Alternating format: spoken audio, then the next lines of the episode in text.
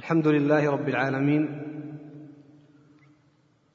والصلاة والسلام على أشرف الأنبياء والمرسلين نبينا محمد وعلى آله وصحبه أجمعين أما بعد. فإن القرآن الكريم أعظم الكتب السماوية على الإطلاق. ولقد تكفل الله تعالى بحفظه كما قال في سورة الحجر إنا نحن نزلنا الذكر وإنا له لحافظون. ولقد عني علماء الإسلام على اختلاف تنوع علومهم بخدمة هذا القرآن العظيم والتفاسير وكتب علوم القرآن لا يحصيها ديوان كاتب فهي بالمئات لا بالعشرات. ولو جمعت الرسائل والمصنفات المختلفة من المتقدمين والمتأخرين لتجاوزت الآلاف. وفهارس المكتبات العامة والخاصة تشهد بذلك. لما كان الأمر كذلك كان حريا بطالب العلم أن يعنى بالقراءة في كتب التفسير. لأن السلف الصالح عليهم رحمة الله كانوا يعنون بتعلم معاني القرآن كما يعنون بتعلم أو بحفظ ألفاظه. قد ذكر شيخ الإسلام ابن تيمية رحمه الله تعالى في مقدمة أصول التفسير أن النبي صلى الله عليه وسلم كان يعنى بتعليم أصحابه معاني القرآن كما يعنى بتعليمهم لألفاظه. والتفاسير متنوعة. هناك تفاسير تعنى بالجوانب العقدية وهناك تفاسير تعنى بالجوانب البلاغية وهناك تفاسير تعنى بالجوانب الفقهية إلى غير ذلك. وفي هذا المجلس أو في هذه المجالس سأذكر مع كل سورة أو عند كل سورة كلاما مقسما إلى مسائل لأن العلم إذا قسم يسهل ضبطه وحفظه والاستشهاد به عند الحاجة. وأنت تعلم أن كلام أهل العلم كثير وكثير في التفاسير وما كلامي هذا إلا قطرة من بحر علمهم عليهم رحمة الله. وسيكون الكلام كما ذكرت لكم مقسما إلى مسائل. وهذه الطريقة أعني تقسيم العلم إلى مسائل يسهل ذكر ما يحتاج إليه الملقي من الفوائد كما يسهل على الذهن استحضار أو ضبط أغلب أو أكثر أو جميع تلك الفوائد. والطريقة المقننة على منهج علمي يجعل طالب العلم أو يسهل عليه ضم النظائر إلى بعضها وجمع المتماثلات والتفريق بين المختلفات. وسأبدأ بالكلام عن الاستعاذة اولا ثم عن البسملة ثم يكون الكلام عن أول سورة سورة الفاتحة. ثم أبدأ بالكلام على السور من جزء عامة ترتيبا تصاعديا من سورة الناس الفلق الإخلاص. ذلك لأن هذه السور القصيرة في ألفاظها هي أكثر ما يتلوه الناس ويحفظونه. الصغار والكبار العامة والمتعلمة. الاستعاذه المسألة الأولى ألفاظ الاستعاذه جاء في الكتاب والسنة ألفاظ للاستعاذه اللفظ الأول هو المشهور والمتوارد على الألسنة. أعوذ بالله من الشيطان الرجيم. وجاء في السنة أعوذ بالله السميع العليم من الشيطان الرجيم. فهذان لفظان. ولفظ ثالث أعوذ بالله من الشيطان الرجيم من همزه ونفخه ونفثه. وجاء لفظ الرابع أعوذ بالله السميع العليم من الشيطان الرجيم من همزه ونفخه ونفخه. نفخ الشيطان الكبر والعجب. ومن نفثه قيل الشعر. ومن همزه أدواء ومصائب. يصيب بها الشيطان العبد. المسألة الثانية متى يستعيذ القارئ؟ لأهل العلم قولان. القول الأول وهو المشهور والصحيح يستعيذ قبل القراءة. لكن جاء قول آخر وهو أن الاستعاذة تكون بعد القراءة على ظاهر الآية. فإذا قرأت القرآن فاستعذ بالله من الشيطان الرجيم. علل أصحاب هذا القول الذين يقولون بأن الاستعاذة تكون بعد الفراغ من القراءة بأمرين. الأمر الأول أن هذا هو ظاهر الآية فإذا قرأت فاستعذ والأمر الثاني وهو أن الاستعاذة أو أن القراءة إذا فرغ منها ربما يصيب الإنسان عجب ويصيبه حب لثناء الناس عليه. فأمر بالاستعاذة بعد القراءة طردا لوساوس الشيطان وألاعبه. لكن الصحيح هو القول الأول. يدل ذلك عمل المسلمين وتواتر المسلمين على ذلك. ثانيا أن سياق الآية سائغ في لسان العرب أن يكون ظاهر هذا الكلام أي ظاهر الآية أن تكون الاستعاذة قبل القراءة. قالوا كما قال الله جل وعلا إذا قمتم إلى الصلاة فاغسلوا. فالأمر بالغسل في ظاهر الآية انه يكون متى؟ بعد القيام إلى الصلاة. صحيح أن قبل الدخول في الصلاة يتطهر الإنسان. ومثل ذلك أيضا إذا أتيت مضجعك فتوضأ وضوءك للصلاة. المراد إذا أردت أن تأتي مضجعك يعني قبل أن تأتي مضجعك توضأ وضوءك للصلاة. أيضا في ظاهر في الآية قبل أن تقرأ استعذ بالله من الشيطان الرجيم تستعيذ بالله من طرد الشيطان وطرد وساوس الشيطان وتطلب الله العون على حسن التلاوة والتدبر. المسألة الثالثة معنى الاستعاذة. الاستعاذة معناها من أول لفظها أعوذ بالله. عاذ يعوذ وما تصرف من هذا الفعل بمعنى اللجوء والتحصن.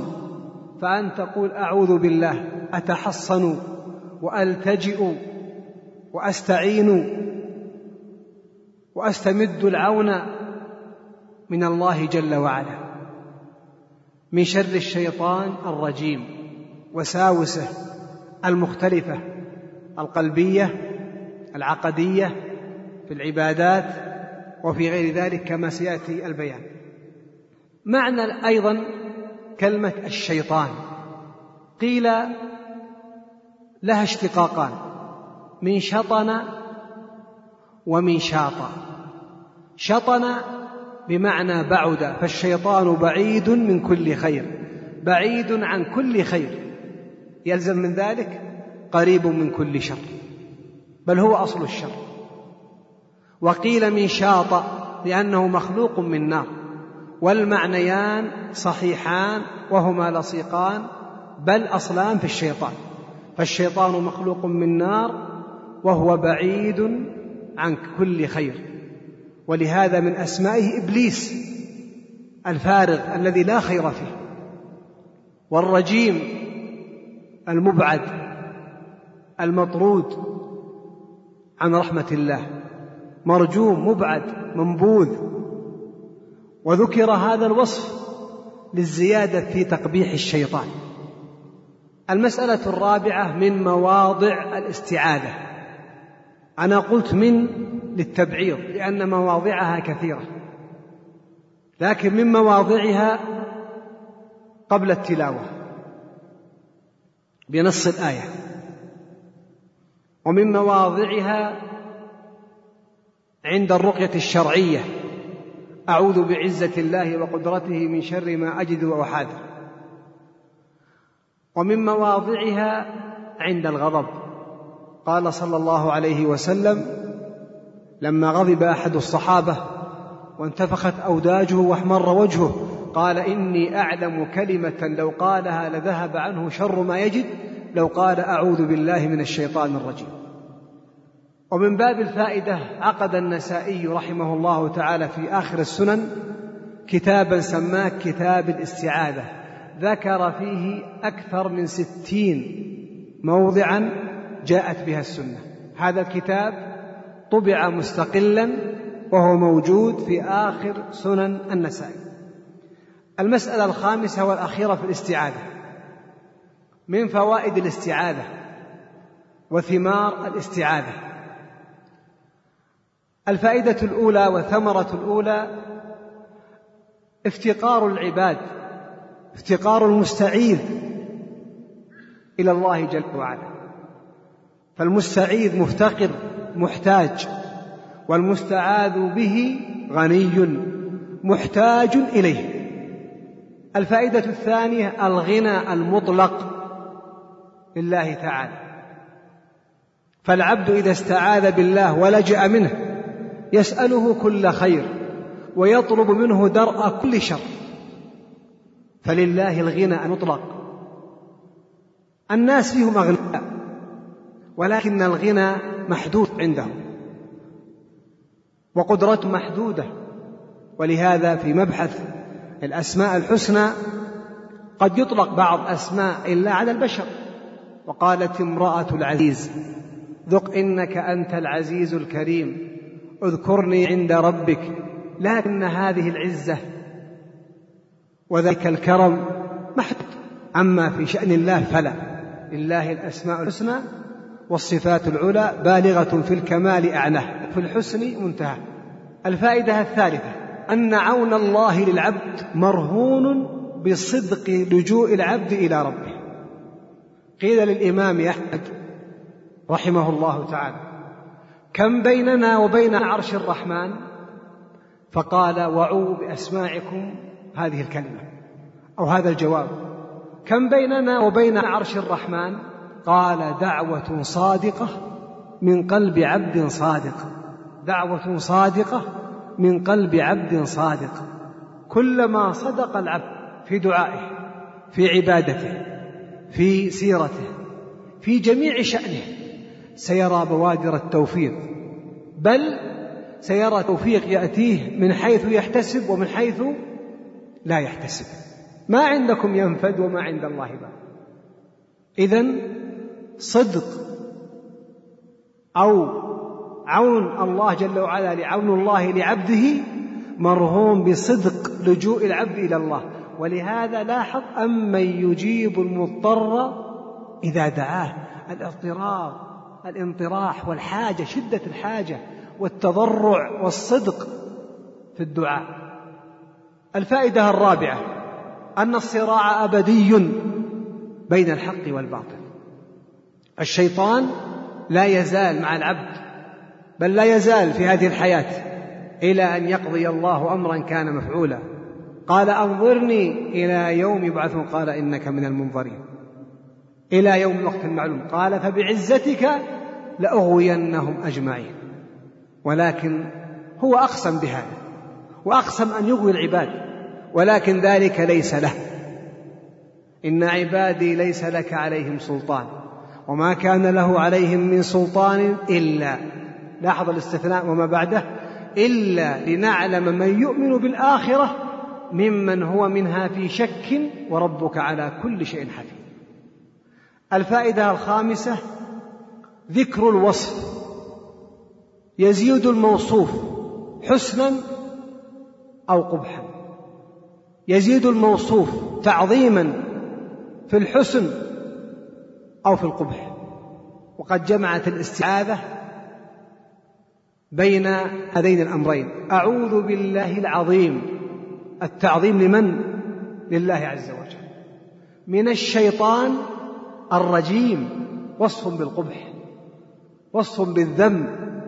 وصف بالسوء.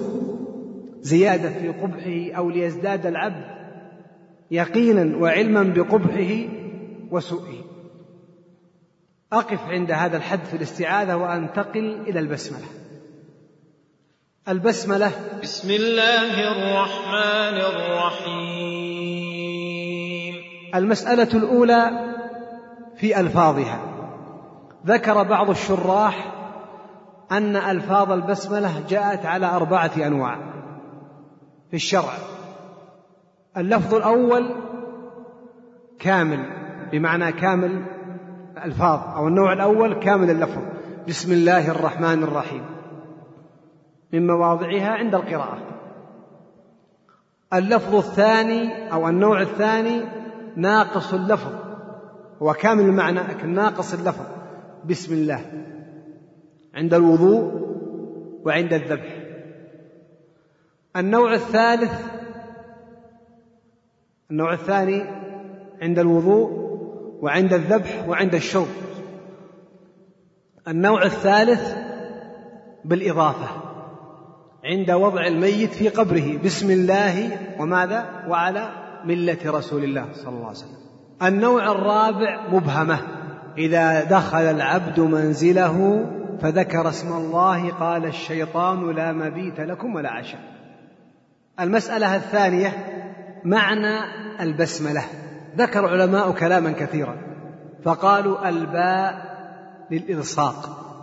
بسم الله قدره بعضهم بسم الله أبتدئ في قراءتي في أكلي في شربي فعلا. وقدره بعضهم اسما بسم الله ابتدائي في تلاوتي في قراءتي في أكلي وفي شربي. والمعنيان صحيحان. ولفظ الجلالة أعرف المعارف. الله المألوه المعبود بحق لا معبود بحق سواه. وهنا تنبيه. بعضهم يعرف إذا جاء يعرف الشهادتين لا إله إلا الله فيقول لا معبود إلا الله. قالوا هذا المعنى وإن كان نية المتكلم صحيحة إلا أن المعنى يحتاج إلى زيادة إيضاح لأن هناك معبود سوى الله يعبد يعبد المشركون أصناما وأحجارا وأشجارا كلها معبودات باطلة. فإذا قلت لا معبود بحق أخرجت كل ما عبد بباطل. ولهذا ذكر المفسرون أن ابن الزبعرة جاء إلى النبي عليه الصلاة والسلام عندما نزلت إنكم وما تعبدون من دون الله حصبوا جهنم. قال إن عبدوا عيسى. فنزلت إن الذين سبقت لهم من الحسنى. الشاهد أن كل معبود سوى الله باطل وعبادته أو من عبد غير الله فعبادته رد وحجة وباطلة عليه.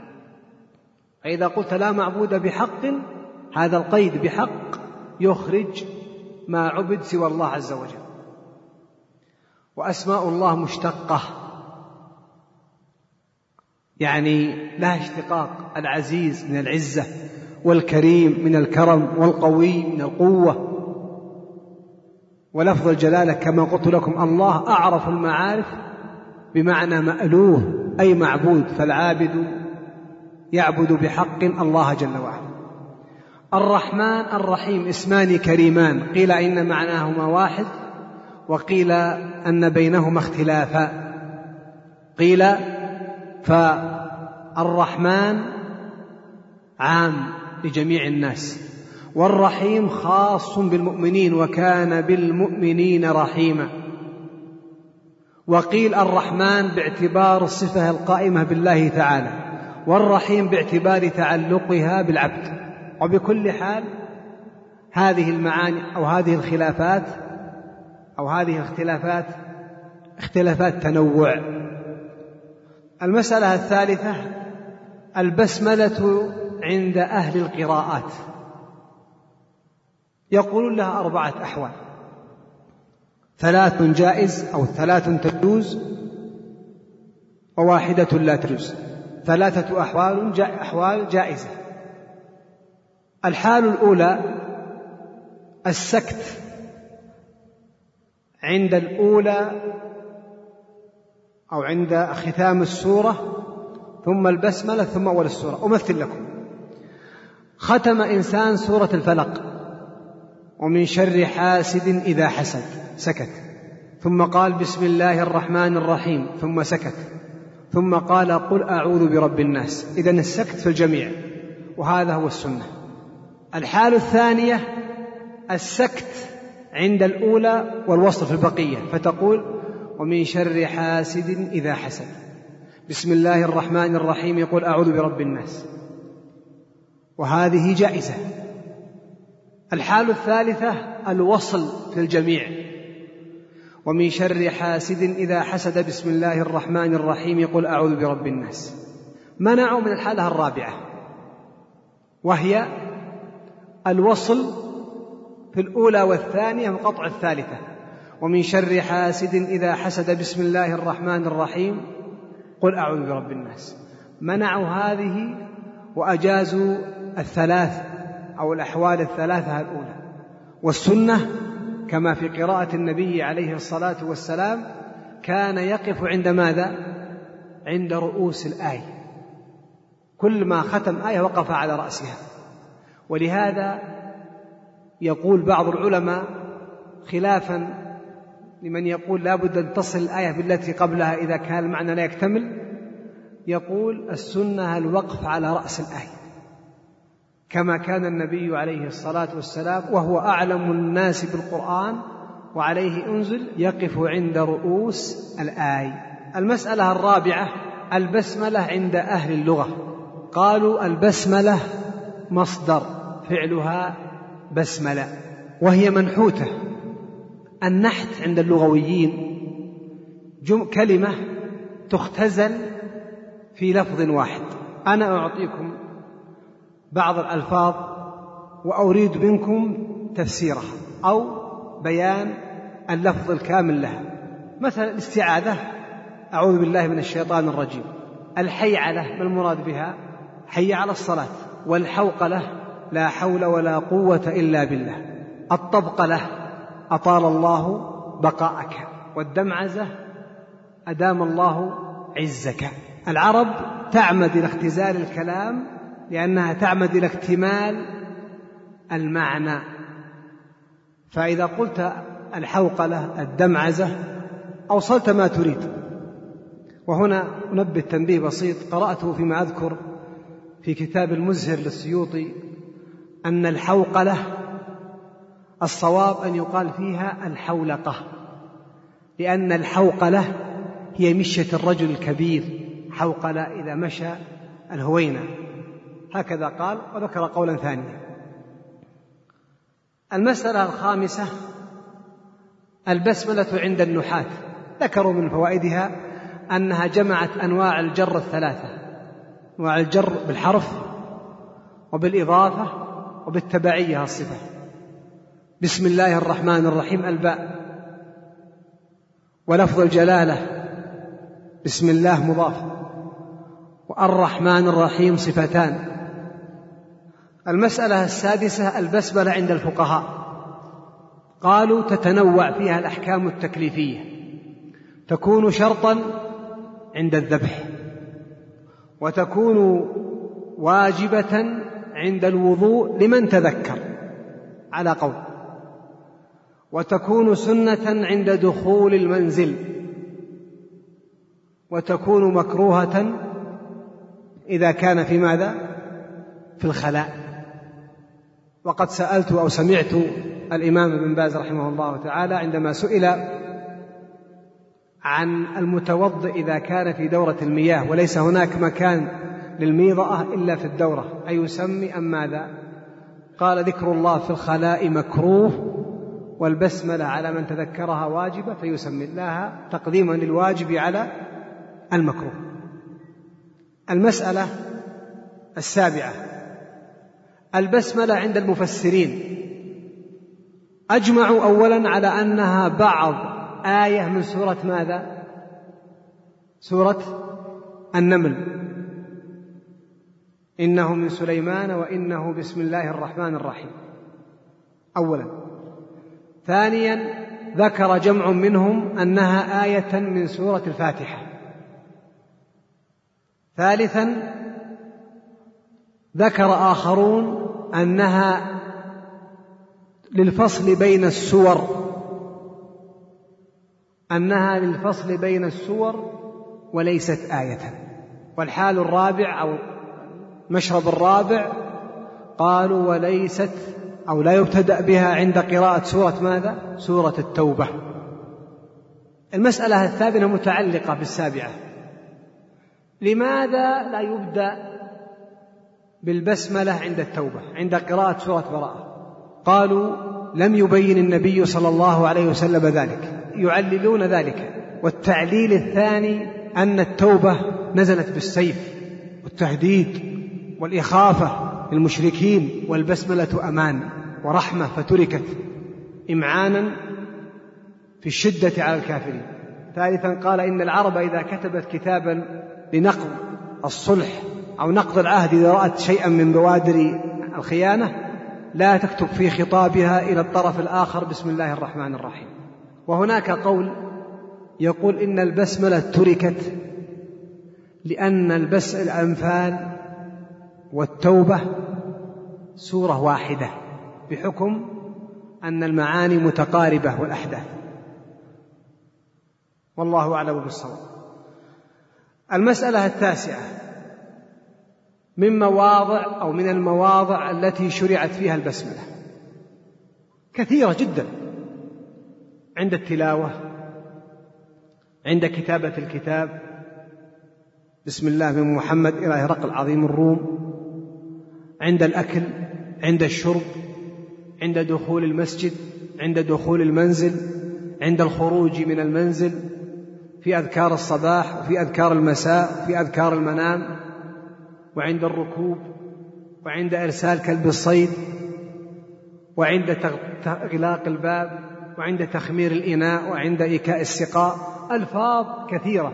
ومن رجع إلى كتب الأذكار أو تصفح بعض كتب الأذكار أو رجع إلى المعجم المفهرس أو الحاسوب الكمبيوتر في لفظ بسم الله رأى أعدادا هائلة من تنوع الألفاظ ومن مواضعها.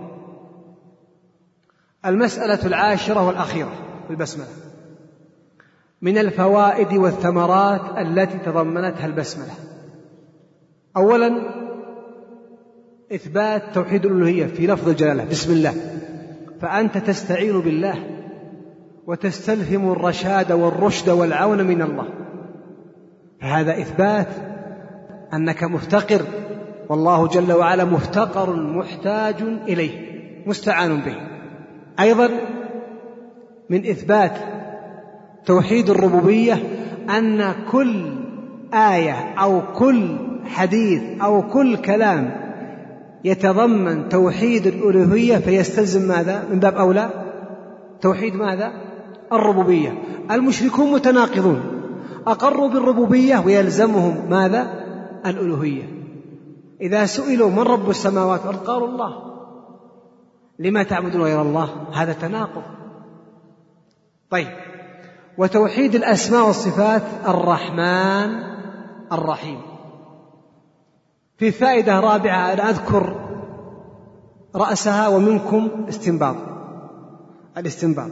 قالوا في البسملة دليل على رسالة النبي صلى الله عليه وسلم. أين أخذ أهل العلم ذلك؟ لا تعجل تأمل قليلا. في البسملة دليل على إثبات الرسالة المحمدية. نعم. لا ما يكفي هذا. ليس العيب أني أخطي وأن تخطي حاول. تخطي مرة مرتين ثلاثا. لكن عود الذهن نحت نعم. باب رفع الصوت بالعلم. هم ذكروا قالوا كل كلام طيب. يقولون بسم الله الرحمن الرحيم. هذه الجملة تضمنت الفوز والنجاة لمن استعان بالله.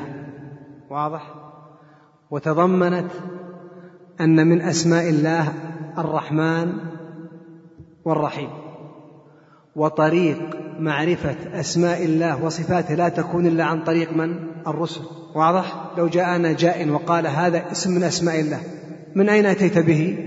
فإن قال من القرآن والسنة فالطريق في الأصل من من؟ من الرسول عليه الصلاة والسلام فقالوا جميع الأسماء التي جاءت البسملة وما تضمنه الاسم الكريم أنه يحتاج الفوز بطاعة الله إلى طريق والطريق لا يكون إلا من جهة من؟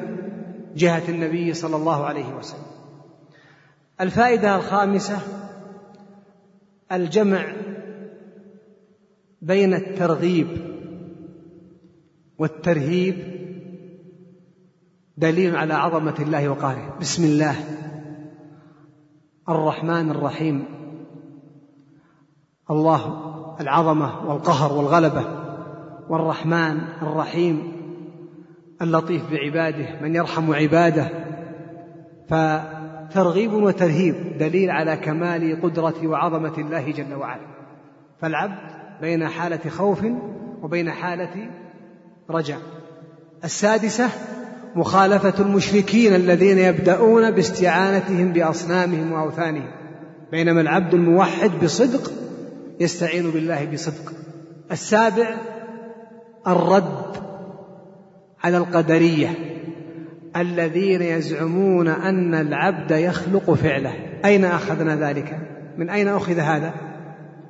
قالوا العبد هنا إذا قال بسم الله معناه أبتدئ باسم الله وأستعين بسم الله على قضاء حوائجي. أستعين بقوة الله وبقدرة الله. أسأل الله العون على عمل هذا. فلو كان العبد يخلق فعله ما احتاج إلى الله. كما يزعمون تعالى الله عما يقولون علوا كبيرا. والله خلقكم وما وما تعملون. الفائدة الثامنة والأخيرة ذكر اسم الله عز وجل فيه طرد لشر الشيطان إذا كان الذاكر بصدق. وهنا وقفة. يقول بعض الناس دعوت واستعذت وسميت. ومع هذا كله لم أرى تحققا لمطلوبي أو لمطلبي يقال عدم تحقق المطلوب لا يدل على عدم نفع الاستعاذة والبسملة والدعاء. إذا انتفت عنك الموانع وأتيت بالموجبات. فالدعاء مثلا يدعو بعض الناس ويبكي. ويتضرع وما يرى نتيجة فيقال عدم إذا كان الدعاء سليما. فعدم رؤياك لإجابة الدعاء لا تستلزم عدم حصول المنفعة لك. قد يرد الله عنك شرا لا تعلمه أنت ولا قومك من قبل هذا. قد تدخر لك الدعوة في الآخرة قد تجاب ولكن بعد حين لحكمة أرادها الله جل وعلا. إذا ينبغي أن يعلم العبد وأن لا يستعجل قطف الثمرة وتطلع إلى النتيجة. يفعل الأسباب والباقي يتولاه الله عز وجل. سورة الفاتحة. الحمد لله رب العالمين. الرحمن الرحيم. مالك يوم الدين. إياك نعبد وإياك نستعين اهدنا الصراط المستقيم صراط الذين أنعمت عليهم غير المغضوب عليهم ولا الضالين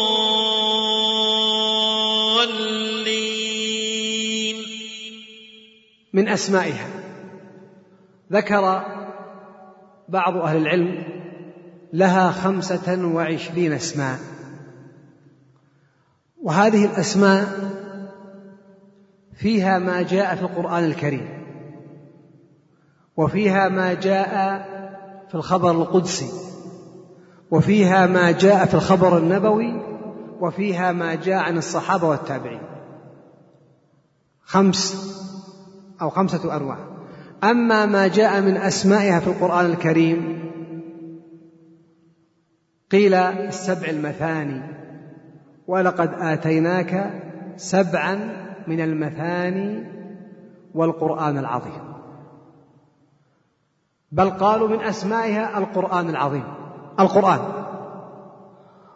وجاء أيضا من أسمائها في القرآن أم الكتاب سورة الرعد. وعنده أم الكتاب. هذه أسماء ثلاثة. جاء لها أيضا اسم رابع في الخبر القدسي. قال الله تعالى قسمت ماذا؟ الصلاة بيني وبين عبدي نصفين فإذا قال عبدي الحمد لله إلى آخر الحديث. فمن أسمائها الصلاة. ومن أسمائها في الخبر النبوي أم القرآن. لا صلاة لمن لم يقرأ بأم القرآن. هذا اسم خامس. اسم سادس. لا صلاة لمن لم يقرأ بفاتحة الكتاب. اسم سابع. حديث أبي سعيد بالمعلى أولا أدلك على أعظم سورة؟ فقال الحمد لله. سورة الحمد. ومما جاء من أسمائها الكثيرة عن الصحابة ومن بعدهم الكافية. تكفي عما عداها ولا يكفي ما عداها عنها. والشافية والراقية حديث الرقية والشفاء. ومن أرام الاستزادة من أسمائها فليراجع كتاب الإتقان في علوم القرآن للسيوطي. المسألة الثانية في الفاتحة نوع النزول. نزولها مكي. وقيل مدني والأول هو الأشهر. وهناك قول ثالث بأنها نزلت ماذا؟ مرتين. في مكة والمدينة. والقول الأول هو الصحيح والأشهر. لأن آية الحجر لأن سورة الحجر ماذا؟ مكية. وفيها ولقد آتيناك سبعا من المثاني والقرآن العظيم. مسألة أخرى أيضا فضل السورة. هذه السورة أولا مبحث تفاضل القرآن. هناك من يمنع أن يكون في القرآن تفاضل أو أن يتفاضل بعضه على بعض والصحيح أن القرآن يتفاضل وأن الأنبياء يتفاضلون وأن الملائكة يتفاضلون وأن الصحابة يتفاضلون لكن القاعدة والضابط في مبحث التفاضل مرجعه إلى ماذا؟ إلى النص الشرعي وقد نص السلف الصالح في مصنفاتهم العقدية على أن التفاضل لا يكون إلا بنص شرعي. قد أتوسع قليلا للفائدة هذا المبحث من أسباب نشوء البدع عدم ضبط هذا المبحث وعدم الرجوع إلى النصوص في هذا المبحث. نحن في هذا المسجد. لو أتانا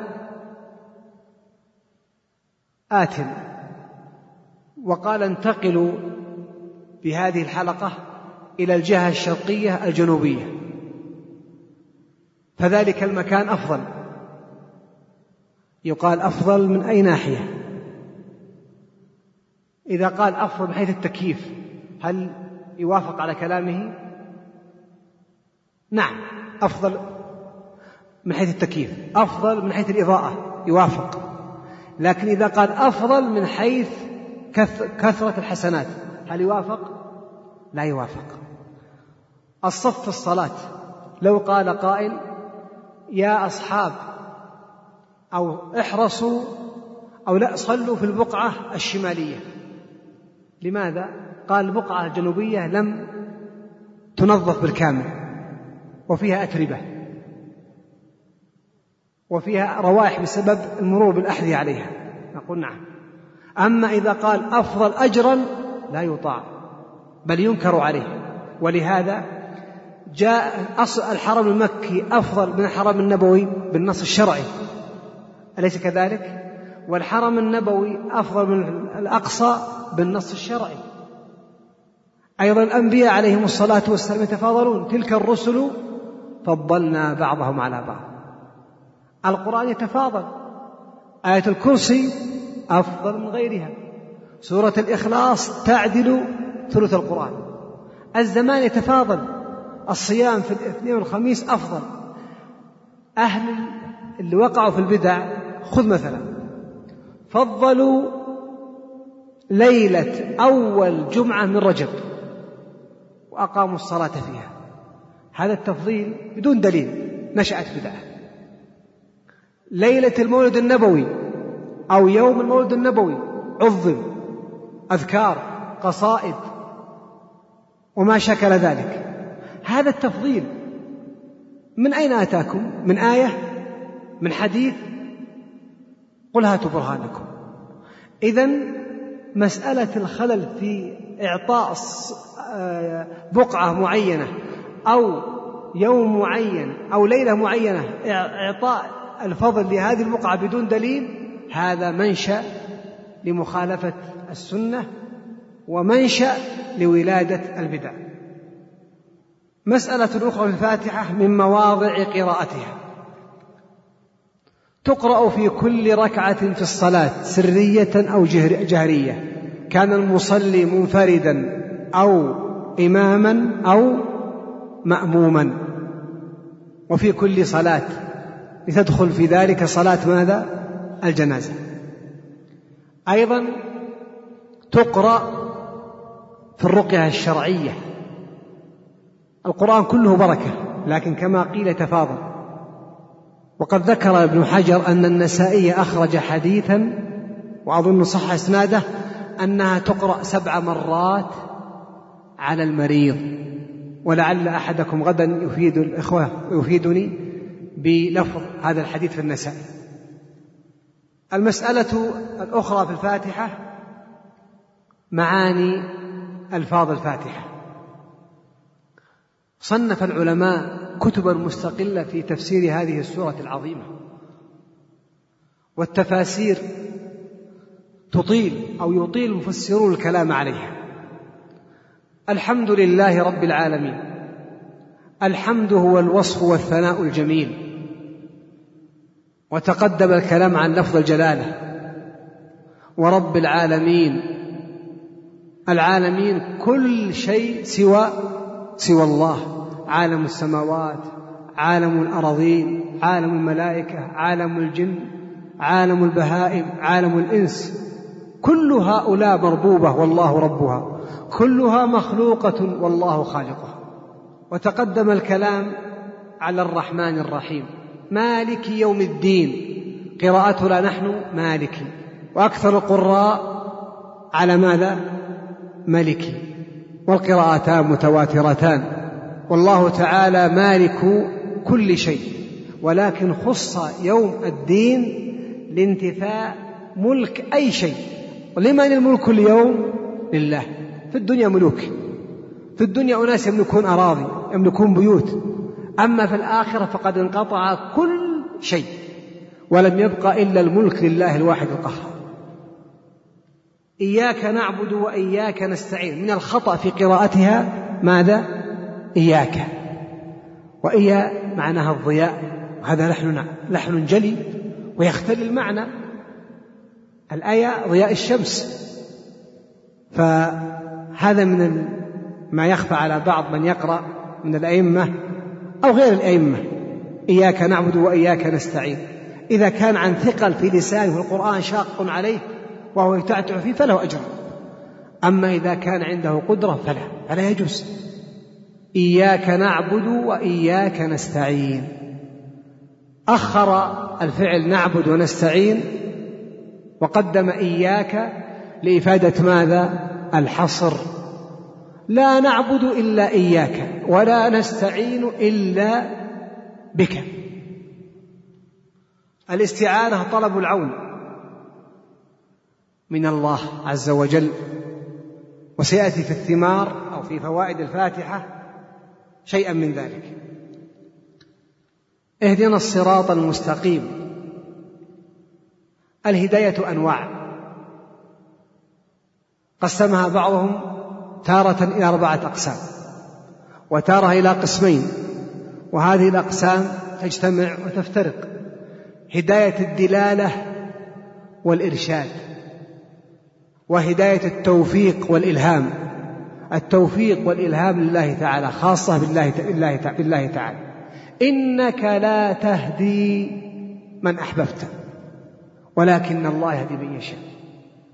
وإنك هداية التوفيق إرشاد وإنك لتهدي إلى صراط مستقيم صراط الله الذي له ما في السماوات وما في الأرض ألا إلى الله تصير الأمور. خاتمة الشورى. فنحن أنت إذا دعوت الناس تدلهم وترشدهم إلى الخير. أما أن يؤثر في قلوبهم وعظك وإرشادك فهذا أمره إلى الله عز وجل. وقسم بعضهم الهداية إلى أربعة أنواع. فذكر منها هداية الخلق جميعا إلى معائشهم البهاء الإنس والجن والبهائم إلى أكلهم إلى مشاربهم إلى مساكنهم. وأيضا النوع الثاني قالوا هداية أهل الجنة إلى منازلهم وهداية أهل النار إلى منازلهم. يهديهم ربهم بإيمانهم تجري من تحتهم الأنهار في جنات النعيم. فاهدوهم إلى صراط الجحيم بإذن الله تعالى. والنوع الرابع قال هو الدلالة والإرشاد والإلهام والتوفيق. الصراط المستقيم طريق الحق وقيل الإسلام وقيل القرآن والقاعدة في التفسير إذا تعددت المعاني واللفظ يحتملها فلا يصرف منها شيء بل تؤخذ جميعا. ولهذا هذا من اختلاف التنوع. فمثلا ربنا آتنا في الدنيا حسنة. قال بعض المفسرين الزوجة الصالحة. وقال بعضهم الرزق الحلال. وقال بعضهم الدار الواسعة. وقال بعضهم الذرية الطيبة. ولا تستطيع أن تأخذ لفظا وتخرج آخر. فالآية تشمل أو المعاني كلها تدخل في ضمن الآية. والصراط المستقيم إذا قلت القرآن فأصبت. وإذا قلت طريق الحق أصبت. طريق الحق أصبت. وإذا قلت الإسلام أصبت. فالمعاني كلها الألفاظ مختلفة لكن المعنى واحد. صراط الذين أنعمت عليهم تفسير وبيان للصراط المستقيم. غير المغضوب عليهم أيضا بيان. وفيها أن الطرق أنواع. طرق للضلال وطريق للحق. والمغضوب عليهم هم اليهود والضالون هم النصارى على الأشهر من أقوال الصحابة ومن بعدهم رضي الله تعالى وقد جاء ذلك مرفوعا ولا أدري عن صحته. قبل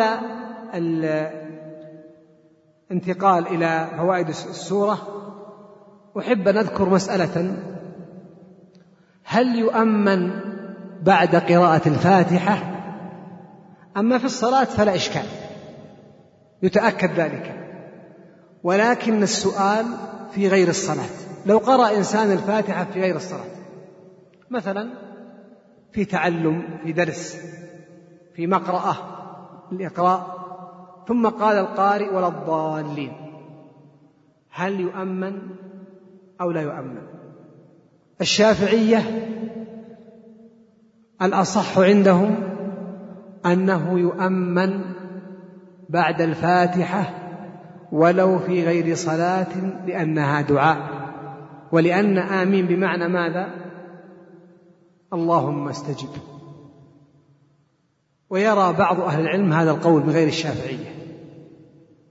وأذكر أنني زرت الشيخ ابن عثيمين رحمه الله تعالى في مرضه.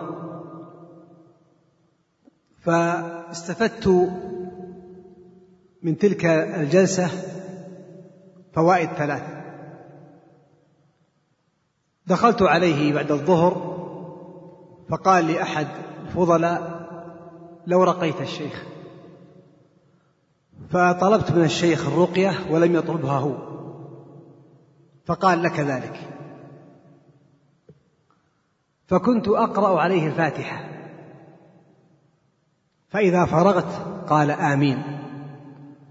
فأعدتها مرات أظن سبع مرات وهو يقول آمين آمين.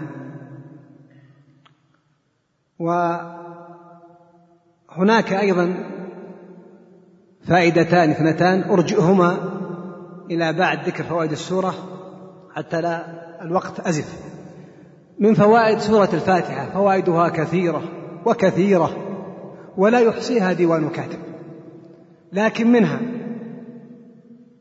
أن تعظيم شأن الله العبد إذا تلا الفاتحة إذا عظم العبد شأن الله وذكر بعض أسماءه وصفاته زاد إيمانه وتعلقه وحبه لله والفاتحة قد جمعت ذلك كله. والفائدة الثانية إثبات أنواع التوحيد الثلاثة في الفاتحة. الألوهية لله الربوبية رب العالمين الأسماء والصفات الرحمن الرحيم. الفائدة الثالثة الكمال المطلق والغنى المطلق لله تعالى. فالأوصاف العظيمة الكاملة الحسنى له. والأسماء الكاملة له وهو المحتاج والمفتقر إليه وله المنة على عباده. والعبد فقير إياك نعبد وإياك نستعين. محتاج ضعيف يستعين بربه يتذلل لربه. والمستعان هو القوي والله المستعان على ما تصفون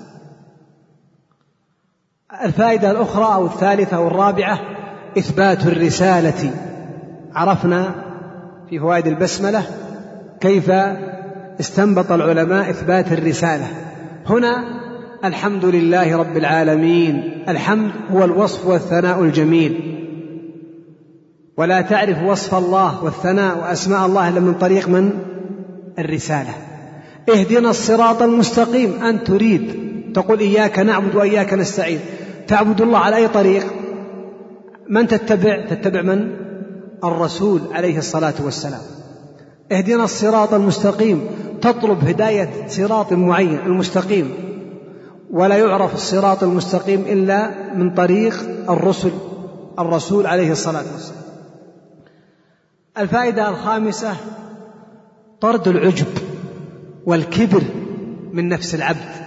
إذا قرأ إياك نعبد إياك نستعين محتاج ضعيف ذليل اهدنا محتاج خائف أن تزل به القدم.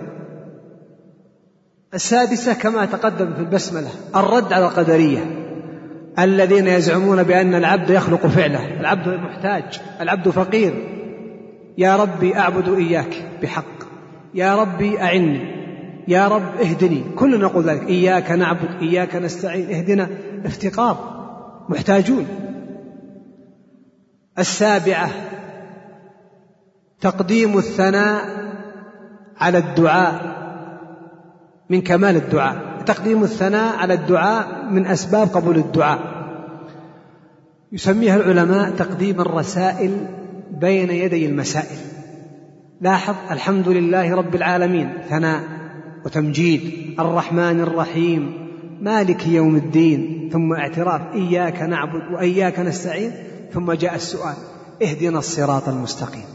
الأنبياء نهجوا هذا النهج. ربي موسى عليه السلام ربي إني لما أنزلت إلي من خير فقير يثني على الله أنه أن الله الغني وأن العبد فقير. ذنون يونس عليه السلام فنادى في الظلمات أن لا إله إلا أنت. أثناء. سبحانك ثناء تنزيه. إني كنت من الظالمين. دعاء. مسألة دعاء عبادة. أي النوعين أي, أي, أي أنواع الدعاء دعا به؟ إذا تقديم الثناء حتى في ملك الدنيا ولله المثل الأعلى. أنت إذا أردت حاجة من أحد يملكها تذكر بعض فضائله أو تذكر حاجتك له. نظرا لما أفاء الله عليكم. نظرا لأنك تحب الخير تحب الكرم. شهد لك بالخير فإني أسألك هذه الحاجة. يقدر عليها. فتقديم الثناء بين يدي الدعاء من أسباب قبول الدعاء. الفائدة الثامنة أن طريق الحق واحد وأن طرق الضلال متشعبة. اهدنا الصراط المستقيم صراط واحد. غير المغضوب عليهم غير طريق المغضوب عليهم وغير طريق الضالين ومن تشعب منهم ومن سار على نهجهم. الفائدة التاسعة معرفة طرق الضلال تعين داعية الحق إلى التبصر. في سورة الأنعام وكذلك نصرف الآيات ولتستبين قراءة على الفاعل تستبين سبيل مفعولية. تستبين يا محمد سبيل المجرمين. وعلى الفاعلية ولتستبين لك سبيل المجرمين. إذا الناس على أربعة أقسام. من يستبين سبيل المؤمنين لكن ما يستبين سبيل المجرمين. يقع في الخلل. منهم من يستبين سبيل المجرمين ويعرف مشاربهم لكن يجهل سبيل المؤمنين. فيقع في متناقضات. ومنهم من لا يعرف لا هذا ولا هذا. ومنهم من يعرف سبيل المؤمنين فيتبعه. وسبيل المجرمين فيجتنب ويحذر. فأنت يا طالب العلم إذا كنت على علم وتطلب العلم تأصيلا من كتب السلف الصالح وتمشي على بينة وعلى سنة وعرفت المذاهب والمشارب الباطلة من علمنة وتصوف ورفض وما شاكله وما جد من الأسماء اليسار والليبرالية وما شاكلها كل ما كنت على بينة كشف العلم الشرعي بفضل الله لك عوار تلك المذاهب الهدامة. أما إذا كنت على ضعف في التحصيل الشرعي وعلى ضعف في مذاهب القوم فقد تكون عونا له. الفائدة الأخيرة تكذيب اليهود والنصارى الزاعمين بأنهم أبناء الله وأحباؤه. فالفاتحة كذبتهم. صراط الذين أنعمت عليهم غير المغضوب عليهم. اليهود ولا الضالين النصارى. فبين الله أن القوم مغضوب عليهم وأنهم ضالون. وهؤلاء أبعد الناس عن ولاية الله. أما زعمهم أنهم أبناء الله فذلك من أكذب الكذب ومن أبطل الباطل. بعض العلماء استنبط فائدة في الحقيقة قال في الفاتحة إثبات لخلافة الصديق رضي الله تعالى عنه ولفضل الصديق.